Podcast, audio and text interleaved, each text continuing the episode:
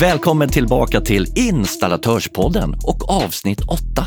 Som vanligt finner du mig, Leif Getelius, vid rodret. Tillsammans med mig, Helene Stors från Installatörsföretagen.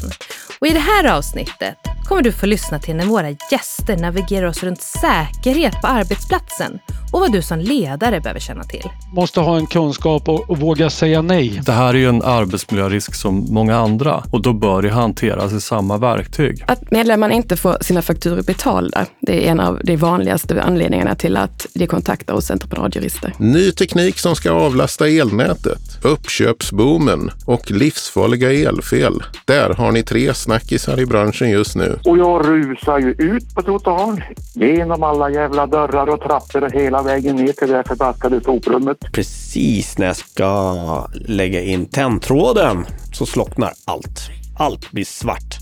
Och det här är någonting som har varit efterlängtat eftersom det är faktiskt helt naturligt. Men vä vä vänta, varför ligger en trumvirvel här? Jag har inte beställt en sån. Nu har det väl ändå blivit fel? Nej, nej, nej, det är helt rätt. För det kommer hända någonting stort senare. Men det tar vi då. Vad? Vadå, vadå senare? Vad ska hända? Vad, vadå? Leif, jag röjer ingenting. Nu är det locket på. Aha. Men eh, som du som lyssnar kanske anar så kommer det bli ett fantastiskt avsnitt. Mm, Okej, okay. ja, jag fattar. Men, ja, äh, men då hugger vi tag i det här med arbetsmiljö istället. Då, I väntan på det här stora avslöjandet. För mig är arbetsmiljö den miljö som jag befinner mig i på mitt jobb. Ja, här och nu. Men det är väl ändå upp till varje chef att se till att den är bra? Va? Ja, men så är det naturligtvis. Men det finns ju också en massa lagar och regler som man behöver känna till så att man faktiskt kan styra skutan rätt. Jaha, typ arbetsmiljölagar eller? Ja, men det finns också regleringar i kollektivavtal och branschanvisningar som är anpassade efter just den egna branschens förutsättningar. Och det är där vi ska dyka ner lite djupare idag. Vi börjar med att hälsa Magnus Persson välkommen till podden. Hej på dig! Hej! Du arbetar som arbetsmiljöexpert på installatörsföretagen och brinner rejält för säkerhet på arbetsplatsen, eller hur? Stämmer bra. Och sen har vi två gäster via länk. Dels Cecilia Axelsson som numera arbetar på installatörsföretagen men som faktiskt är elsäkerhetsgurun som hela elteknikbranschen snackar om. Välkommen hit Cecilia! Tack så mycket. Och vår tredje gäst kommer från Elektrikerförbundet SEF där han arbetar som arbetsmiljö och elsäkerhetsansvarig. Välkommen in i podden, Niklas Enström. Tack så jättemycket. Men vi börjar med dig Magnus som har lite koll på det här med olycksstatistik. Hur ser det egentligen ut i installationsbranschen? Vi har precis fått eh, rapporten Arbetsskador i byggverksamhet för 2020. Och där kan vi se siffror på risken för arbetsolycka i Sverige och för byggverksamheten i helhet. Och tittar vi på riket så ligger risken på ungefär 6,5 fall per tusen anställda och år. Byggverksamhet och tillverkningsindustri ligger ganska lika på runt 10 fall per tusen anställda och år. Om vi sedan snävar ner oss till våra två discipliner, el och VVS, så ligger el något under snittet för branschen med 8,6 fall per tusen anställda och år medan VVS ligger något högre på 11,2 fall. Men hur pass kunniga är egentligen installatörerna själva kring olycksriskerna i sitt specifika arbete? Jag tror att framförallt när det gäller belastningsergonomiska risker och, risk för fall och snubbling så är man medveten om det, definitivt. Sen tror jag att man, man kanske inte tänker att det hände mig, men man vet att risken finns. Så tror jag att det är. Niklas, vad tänker du om det? Det här med att det kanske inte hände mig. Ja, jag tror det också. Jag kan tänka mig också att det är slutet av dagen att jag ska bara göra den här sista. Och då gör man det lite fortare, kanske inte ja, är lika säker på sin sak helt enkelt. Men visst är det så att det händer inte mig. Det håller jag med om. Och hur ska vi komma runt det då? Att man ska börja tänka att det kan faktiskt hända mig? Ja, det är väl att vi är ute och informerar om det och visar på tillsammans att så här ser det ut. Att tänka efter före hela tiden. Vad kan då arbetsgivaren vidta för åtgärder att göra för att undvika olyckor på arbetsplatsen i installationsbranschen? Då? Om jag ska svara på den så tror jag att både skyddsombud och arbetsgivare på de flesta arbetsplatser jobbar väldigt mycket med det här och pådrivande. Jag tror inte att det är där problemet ligger. Om vi ska komma ifrån den här platån och minska antalet fall så tror jag att vi var och en måste tänka på vår egen säkerhet på ett annat sätt. Och på våra kamraters säkerhet också. Ser vi att någon lyfter för mycket, gå dit och fråga om personen behöver hjälp. Känner ni att det här är för tungt, be om hjälp. Och sen en viktig sak, men det kanske är ämne för en annan podd. Det är skillnad på fysiskt arbete på arbetsplatsen och på ett gym. Och det handlar mycket om balansen mellan belastning och återhämtning. Och man får inte lika mycket återhämtning under en arbetsdag som man får när man tränar. Så man behöver lägga in pauser kanske i arbetet? Jag tror det mer handlar om att eh, minska belastningen så att den återhämtning man får räcker för att inte få någon skada.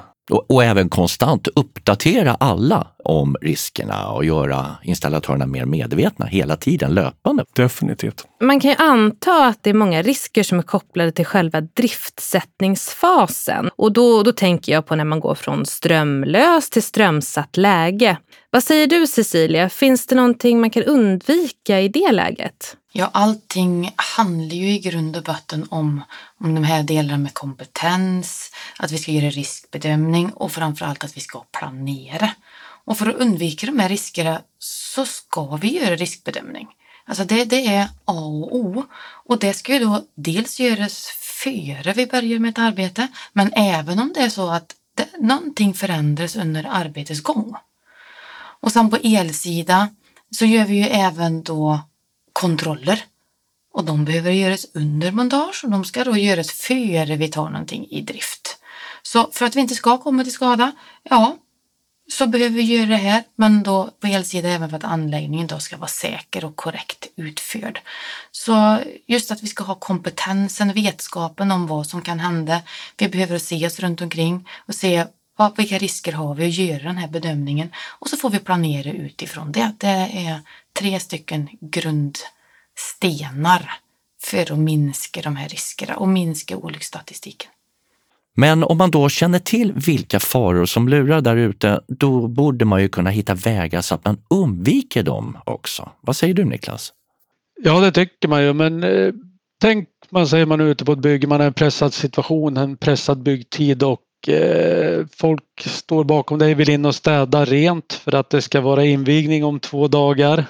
Kör igång vad heter det, anläggningen, kör igång elen så att vi får igång och det är där man ser de flesta olyckorna sker då, att man kör igång en anläggning, man sätter ström till anläggningen och då kanske det kommer någon som, ja, proppen går då för dammsugaren och sen då går man och drar i säkringen där man tror det är och sen är det något helt annat ställe som man strömsätter då.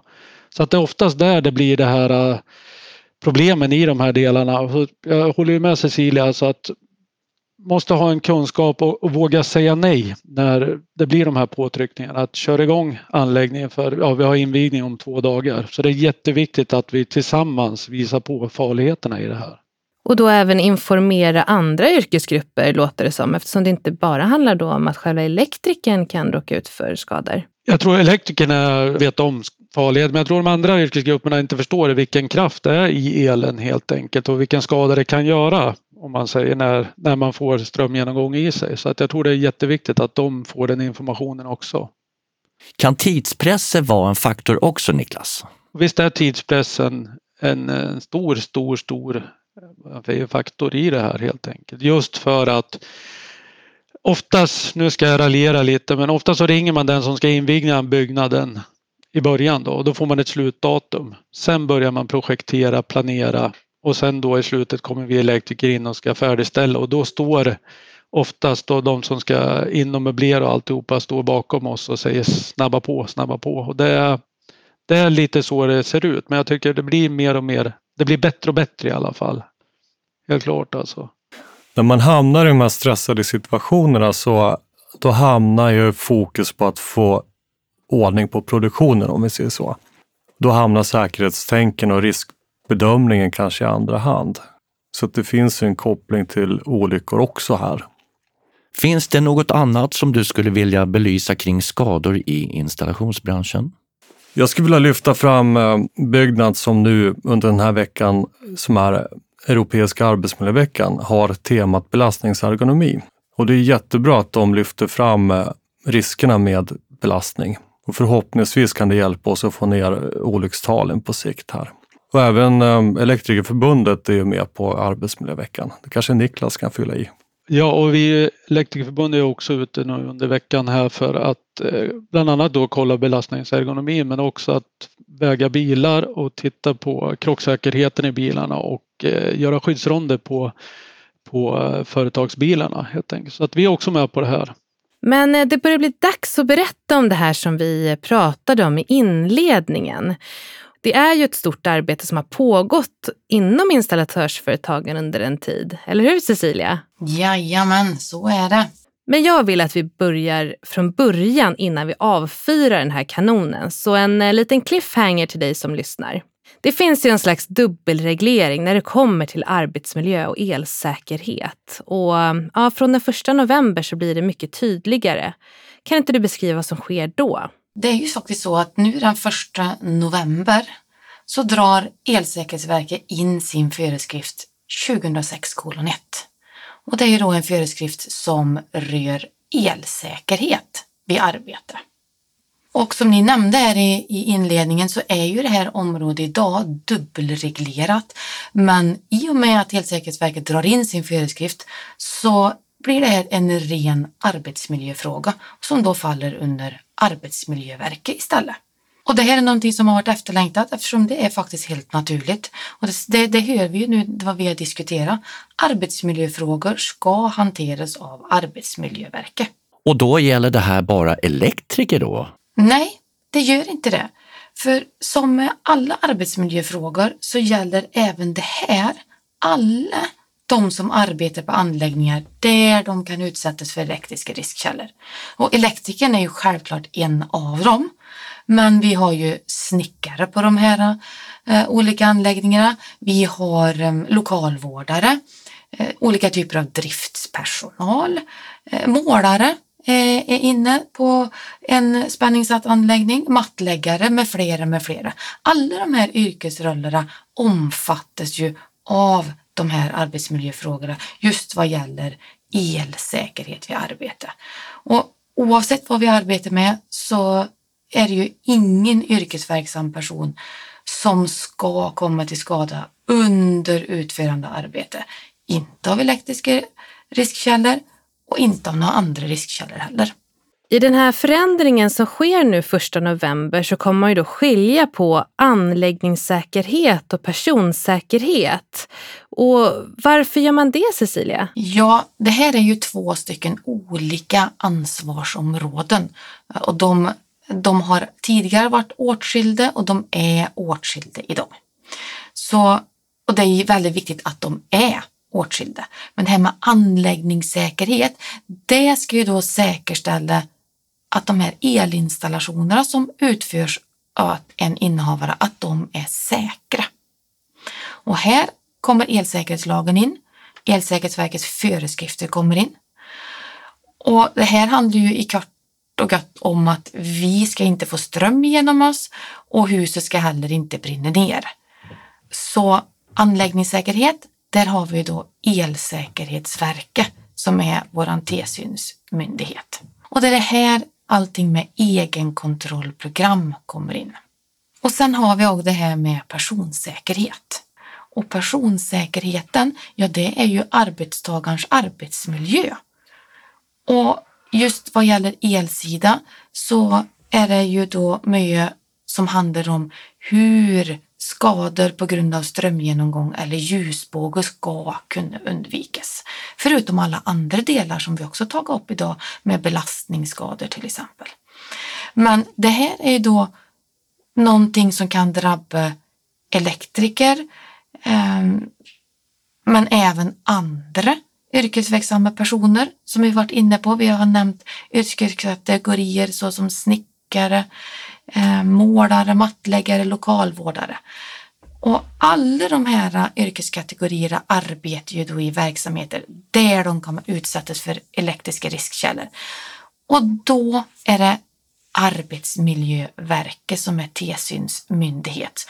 Så det här rör ju då personsäkerheten. Så det är två jätteomfattande områden bägge två, men de behöver skiljas åt. Men eh, nu Cecilia, nu är tiden kommen. Nu ska vi lansera något helt nytt. Banbrytande och branschnormerande. Branschen, vi ger er Eva. Yes! Äntligen så kan vi välkomna Eva. Eva är ju då en förkortning som står för elsäkerhet vid arbete. Och det är ju en rykande färsk branschpraxis som vi på installatörsföretagen har tagit fram. Och hela det här konceptet med EVA, det omfattar en bok, det omfattar dokumentmallar, det omfattar utbildningsmaterial och det inkluderar även webbverktyget Säker el som vi har på installatörsföretagen. Men för de lyssnare som fortfarande sitter och undrar, men vad är EVA för någonting och vad är det som är nytt? Vad, vad kan du säga till dem? Ja, EVA, det vill säga elsäkerhet vid arbete, det bygger på den här etablerade och välkända standarden som tituleras SSIN 50110-1 skötsel av elektriska anläggningar. Och det är den standarden som under görlång tid har legat till grund för hur vi ser på det här med elsäkerhet vid arbete. Så den är egentligen inget nytt. Men i den här föreskriften som nu Elsäkerhetsverket drar in, i den så gav Elsäkerhetsverket den här standarden presumtion. Och det betyder att eh, Elsäkerhetsverket gav förhandsgodkännande och peka på att om ni använder svensk standard, som i det här fallet var den här SSIN, eller fortfarande är den här SSIN 50110-1, så om ni använder den så uppfyller ni kraven i föreskriften på det här med elsäkerhet vid arbete. Men nu då, när den här föreskriften dras in, så finns ju inte den här presumtion kvar, för Arbetsmiljöverket ger ingen sån presumtion. Men standarden, den är ju fortfarande lika etablerad och den är fortfarande lika välkänd även om den inte har presumtion. Så därför så har vi då på installatörsföretagen tagit fram EVA för att vi då ska fortsätta att arbeta säkert utifrån den här SSIN 5110-1. Så det som EVA gör det är att eh, vi förklarar och förtydligar den här standarden så att allting blir enklare att förstå och enklare att tillämpa ute i vardagen. Okej, okay, men vad är det som är så speciellt med Eva rent konkret? Blir det någon skillnad från idag? Både ja och nej. Eh, Eva baseras ju som sagt på den här standarden eh, som vi hittills har tillämpat, så där är det ingen skillnad. Det som istället då blir den stora skillnaden, det är att Eva är ett helt koncept som är anpassat efter hur branschen arbetar. Baserat då som sagt på SSEN 50110-1. Alla verktyg för att underlätta och uppfylla det här elsäkerhetsarbetet utifrån Arbetsmiljöverkets krav finns tillgängligt i EVA. Så det är den stora skillnaden. Och ni på Elektrikerförbundet har ju varit delaktiga i det här arbetet. Hur ser ni på att installatörsföretagen har tagit fram den här nya branschanvisningen? Ja, vi tycker det är jättebra och det är en fantastiskt bra bok de har tagit fram som vi, ja, vi kommer att jobba efter den helt enkelt. Eh, den är tydlig, den har bra anvisningar och den är lätt att följa, alltså den är jättebra tycker vi. Vad tror ni att det kommer att ge företagen och deras anställda då, Niklas? Jag tror att i och med att vi gör den här tillsammans så tror jag det ger en trygghet i att man gör rätt framför allt och att det blir klara regler hur man ska göra. Och det som sagt var i den, det står tydligt och bra hur man ska göra och följer man den så vet man att medarbetarna jobbar säkert och att eh, delegeringarna har gått rätt till och att man följer det som man ska följa helt enkelt. Just det här gör ju att elrisken blir en ren arbetsmiljörisk, så det blir tydligare. För elektriker kanske inte är någon stor grej, men för alla andra yrkeskategorier så behöver vi få in det här i Arbetsmiljöverkets regelverk på ett tydligare sätt. Och det är ju så att om vi följer EVA så uppfyller vi även kraven som Arbetsmiljöverket har genom arbetsmiljölagen och tillhörande föreskrifter. Men eh, varför har installatörsföretagen tagit fram den här branschanvisningen när det redan finns andra anvisningar? Ja, det finns andra branschanvisningar, eh, det gör det och det kommer det att fortsätta att göra med. Men det som vi har märkt är att de branschanvisningar som finns idag, de är inte anpassade efter våra medlemmars vardag. Utan de här branschanvisningarna som har funnits på marknaden hittills, ja de upplevs administrativt krångliga och medlemmarna känner helt enkelt inte igen sig i de riktlinjerna som ges. Så det är helt enkelt inte en del av deras vardag, de branschanvisningarna som ligger idag. Det här innebär ju då en risk med att branschen inte tillämpar de branschanvisningarna som, som har funnits hittills just vad gäller elsäkerhet vid arbete. Och det är ju en direkt fara. Och därför då så har vi tagit fram EVA som är mer anpassad efter eh, våra medlemmars vardag helt enkelt. Och är EVA något som är öppet för alla? Absolut. Eh, det här är någonting som är viktigt för hela elteknikbranschen. Så inte göra det här tillgängligt för alla, det vore eh, totalt fel. Så det som vi erbjuder det är ju då ett koncept från gymnasieutbildning ända ut till yrkesverksamma. Och finns det något som är specifikt för just installatörsföretagens medlemmar? Ja, det gör det.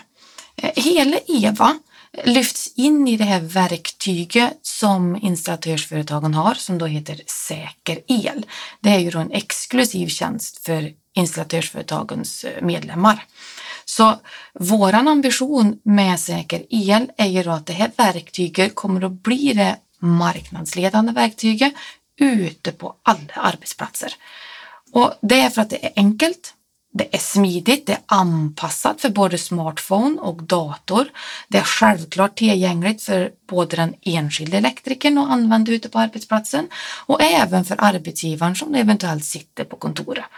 Så EVA underlättar det som tidigare kan ha upplevts som krångligt, inte minst vad som gäller den administrativa beten och i kombination då med det här säker elverktyget där vi då även har egenkontrollprogram eh, så blir det här helt klart det bästa verktyget på marknaden. Men det är alltså exklusivt för installatörsföretagens eh, medlemmar. Eh, det finns ju en annan aspekt också kring att man nu får in elsäkerhet i det systematiska arbetsmiljöarbetet. Vad säger du om det, Magnus? Ja, jag tycker det är jättebra, som vi sa tidigare, att det här är ju en arbetsmiljörisk som många andra och då bör det hanteras i samma verktyg. Och det är ju inte bara elektriker som har problem med strömgenomgång till exempel. Och jag tror inte att fler företag än elektriker egentligen tar med elsäkerhet som en risk. Jag tror att det blir mycket tydligare för alla kategorier av arbete om man får in elsäkerhet i SAM. Och du som kommer från eh, facksidan Niklas, har du samma uppfattning som Magnus kring det här? Ja, det har jag. Tycker det är bra att vi får in det där helt enkelt. Så det är en jättebra idé. Om jag som lyssnare vill veta mer om EVA eller beställa branschanvisningen, kanske gå en kurs, hur gör jag då? Då går jag in på www.im.se eva. Där har vi då samlat all information. Allt ifrån eh, bok till Eh, utbildningsmaterial till hur kan man beställa en, en kurs. Och där länkar vi då även vidare till lämpliga andra webbsidor såsom Insu som då håller utbildningar till exempel. Det här var otroligt intressant och lärorikt. Stort tack för att ni var med oss idag. Stort tack för att vi fick vara med och eh, delge den här eh, jättenyheten om vår EVA. Tack så jättemycket. Tack så mycket.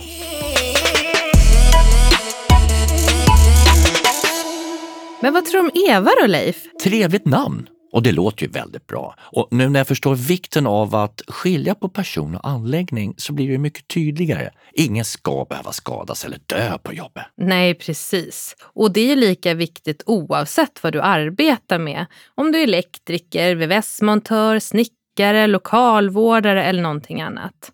Nu ska vi skapa en säker arbetsmiljö så att ingen yrkesverksam person skadas av strömgenomgång eller ljusbåge på sin arbetsplats. Det låter ju helt självklart, men då måste såklart förutsättningarna finnas där och ny branschanvisning känns helt rätt i magen tycker jag. Då ska vi ta och kasta oss över tre snabba från tidningarna Elinstallatören och VVS Forum. Varsågod, chefredaktör Fredrik Karlsson. Nummer ett. Två svenska bolag, Energi och Ferroamp, erövrar marknaden med varsin teknik som ska lösa lagring och fasbalansering. Och de söker installatörer att samarbeta med. Utan att gå djupare in i hur tekniken fungerar så kan vi väl säga att för den enskilde minskar elnotan, för elinstallatörer blir det nya affärer och för samhället minskar belastningen på elnätet. Det möjliggör ökad elektrifiering, vilket i sig bidrar till en mer hållbar framtid. Elteknik är centralt i klimatomställningen. Nummer två.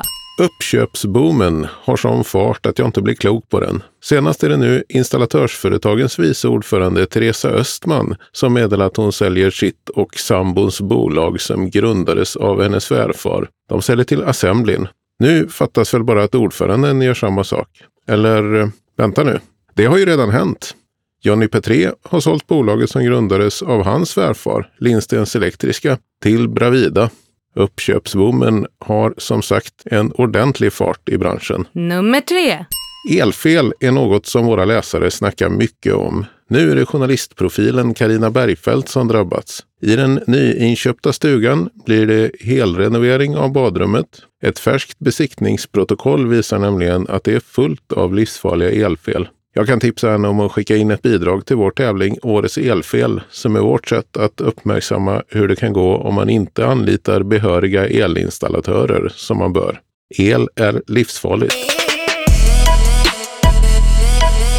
Att det är viktigt att få betalt för det jobb man utför, det är ju en självklarhet. Men det är inte alltid så lätt att få in de där pengarna utan ibland får man tjata och tjata. Så vad har du som företagare för rättigheter gällande den här problematiken då? Det ska vi försöka reda ut nu när vi lyfter dagens medlemsfråga. Så välkommen till Installatörspodden entreprenadjurist Betty Ann Pettersson från Installatörsföretagen. Tack så mycket. Ja, att medlemmarna inte får sina fakturor betalda, det är en av de vanligaste anledningarna till att de kontaktar oss entreprenadjurister. Så här lyder frågan då. Jag har länge haft problem med en kund som inte betalar. Trots att vi har skickat påminnelser kommer inga pengar. Nu får jag inte tag i kunden längre. Vad gör jag nu? Ja, här förstår jag det som att kunden inte invänt på, mot fakturan på något sätt, utan man har helt enkelt stoppat huvudet i sanden här. Kanske beror det på likviditetsproblem, men här är Kronofogden den rätta instansen att vända sig till i slutändan för att få hjälp med att driva in sin fordran. Och här har ju installatören då försökt få tag i kunden för att få en förklaring till den här uteblivna betalningen. Och han eller hon har skickat betalningspåminnelser. Och om man i detta läget inte vill gå direkt till Kronofogden utan att man vill ge kunden en eh, sista påtryckning, en chans att betala utan att riskera att eh, kunden får en betalningsinmärkning, så kan man som nästa steg skicka ett inkassokrav. Och det har ju störst effekt om man då använder sig av ett inkassobolag till hjälp. Och hur man väljer att göra här kan bero på vad man har för relation till kunden helt enkelt. Men när du som installatör har utfört jobbet så är det kundens tur att prestera genom att betala. Så jag tycker inte att man ska lägga alldeles för mycket tid här eh, innan man vänder sig till Kronofogden. För det är ofta så att den som skriker högst är den som får först betalt om det handlar om likviditetsproblem. Och hos Kronofogden så ansöker man om ett betalningsföreläggande. Och det gör man enkelt genom att fylla i en blankett via Kronofogdens hemsida. Och så får man hoppas att Kronofogden får tag på kunden och att det finns något för dem att, att driva in här. Men finns det några förebyggande åtgärder som du kan tipsa om så att man ja, ska hamna i en så bra sitt som möjligt om en betalning då senare skulle utebli från kunden? Ja, de faktorer som påverkar mest är ju det som händer innan och när man ingår ett avtal med en kund. Så se till att alltid få fullständiga uppgifter eh, om vem din kund är. man säger personnummer eller organisationsnummer. Så att det inte råder osäkerhet om, om just det sen. För ett bolag kan ju till exempel ha dotterbolag med snarlika namn. Och ska du göra ett för ditt företag stort arbete så kan det vara värt att lägga tiden och göra en kreditbedömning av kunden också. Och i vissa projekt så kan det vara läge att kräva säkerhet. Och för att undvika att hamna i den situationen att en kund invänder mot din faktura så skulle jag säga att de viktigaste parametrarna att ha med i ett avtal är priset. Såklart ett fast pris eller på något sätt hur priset ska beräknas, som ett timpris vid löpande räkning. Det är också viktigt att avtala om betalningsvillkor som säger hur ofta du har rätt att fakturera eller att ni kanske vill använda er av en betalningsplan. Och sen har jag även med en betalningsfrist, det vill säga hur lång tid din kund har på sig att betala från att ha fått fakturan. En sista sak jag skulle vilja tipsa om eh, är också att vi på vår hemsida en.se, har tagit fram en steg för steg-guide som man kan följa beroende på i vilken sits man sitter med den här obetalda fakturan. Så om kunden har bestridit eller om kunden helt enkelt inte betalat eller har ett svar på annat sätt som, som vi hörde här i medlemsfrågan. Så genom denna guiden så kan man följa då hur man bör agera som nästa steg. Härligt, då vet vi hur det ligger till. Lite tålamod och hela tiden jaga kunden kan man säga ända in i det sista va? Absolut. Tack för att du kom. Ja, tack för att jag fick vara med. Då är det dags att dyka ner i två installatörers vardag. Även om just den här dagen kanske inte precis är som alla andra. Nej, det har du verkligen rätt i. Och vi inleder med Kent Landfors som arbetar på Domeys Vatten och Värme i Örnsköldsvik som ska berätta om en arbetsmiljö som på olika sätt inte var helt optimal. Ja, det har ju hänt mycket under vad kallade karriären, men jag har ju en liten grej som hände för 04.05 var det väl. Då um, har vi ju då en butikskedja som heter Intersport som skulle öppna i Övik och uh, de har ju då sin liten affärsgrej med att inte ha några innertak utan de plockade bort dem. Och i och med det så blev det en massa arbete på det där stället. För då sprutmålade de. Och det var ju både vi rörmokare och elektriker och ventilationsgubbar och allt möjligt folk som var där. Flyttade om upp i taket så att de fick som de ville. Och vi, det, det var så långt gånget så att det var faktiskt invigningen hade varit. Men det var inte riktigt färdigt. Utan vi och golvläggarna var kvar och de la in nytt fint trägolv.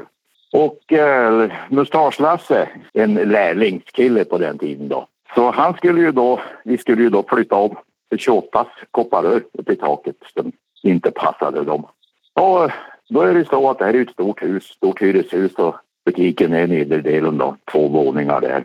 Och för att stänga av vattnet så var man tvungen ut på trottoaren, ner genom nästa port, tre trappor, tre dörrar med nyckel, ner i gamla soprummet, för då hade de tidigare gjort matningen för vattnet till alla våningar hade de använt gamla sopnedkastet. Stoppat ner 28 pistol där.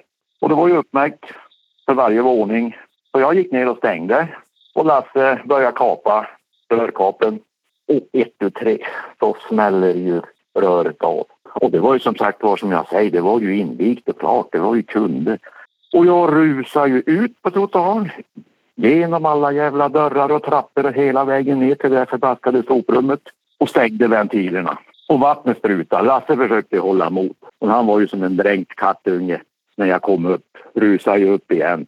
Och så tog som kommandot över situationen. Vrålade och skrek åt personalen att hämta allt som gick att torka och skura och greja. Kunder fick flytta på montrar och de, som jag sa, golvläggarna var inte riktigt färdiga. Och som tur var så hade de en sån här stor fyrhjuls dammsugare.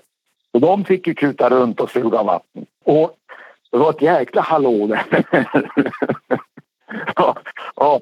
Men vi lyckades ju flytta alla nya kläder och allt möjligt och fick ju upp det där vattnet efter mycket om och men. Och till sist när vi var klara och hade vridit ur alla skurmoppar och allting så var ju butikschefen där då, så fick vi ett jäkla bra beröm för att vi hade lyckats rädda golvet. Vi fick liksom inte på fan att vi hade ställt till det där. Men jag vet att Lasse hade problem att, att, gå in på den där butiken bra länge efteråt. Ja, vad säger man? Vilken story! Herregud. Och det tar inte slut med det. Idag har vi pratat mycket om elsäkerhet, så elektriker Johan Liljekvist som är verksam på Lillens El har också en story att berätta. Jag hade en eh, sak i en eh, butik här i söderort som eh, skulle byta strömbrytare. Mm. Och precis när jag ska lägga in tändtråden så slocknar allt. Nej! Allt blir svart. Aj! Och jag tittar på den där och tänker, nej, eller? Nej, det kan inte vara jag. Går ut i butiken och ser allt är svart. Och folk kommer fram till mig, vad gjorde du för något? Nej, jag vet inte, nej, men det kan inte vara jag. Går ut på torget och ser då att allting är släckt. Så då tänker jag, ah, okej, det var inte jag i alla fall. Åh, men då, då vart jag också, precis när jag lägger in tändtråden i strömbrytaren, då slocknar och då blir man, fan gjorde jag det? När någonting blir väldigt svart när man arbetar som elektriker, det är en jobbig väckarklocka eller varningslampa. det, det är ett jobbigt läge.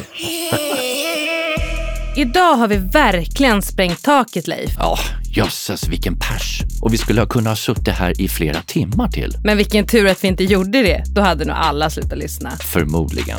Och allt gott har ett slut. Men jag tänkte, kan inte du berätta något om nästa avsnitt? Jo, men då ska vi skapa lite ordning och reda i företaget. Hoppla hoppla, det låter spännande. Ja, men visst gör det det.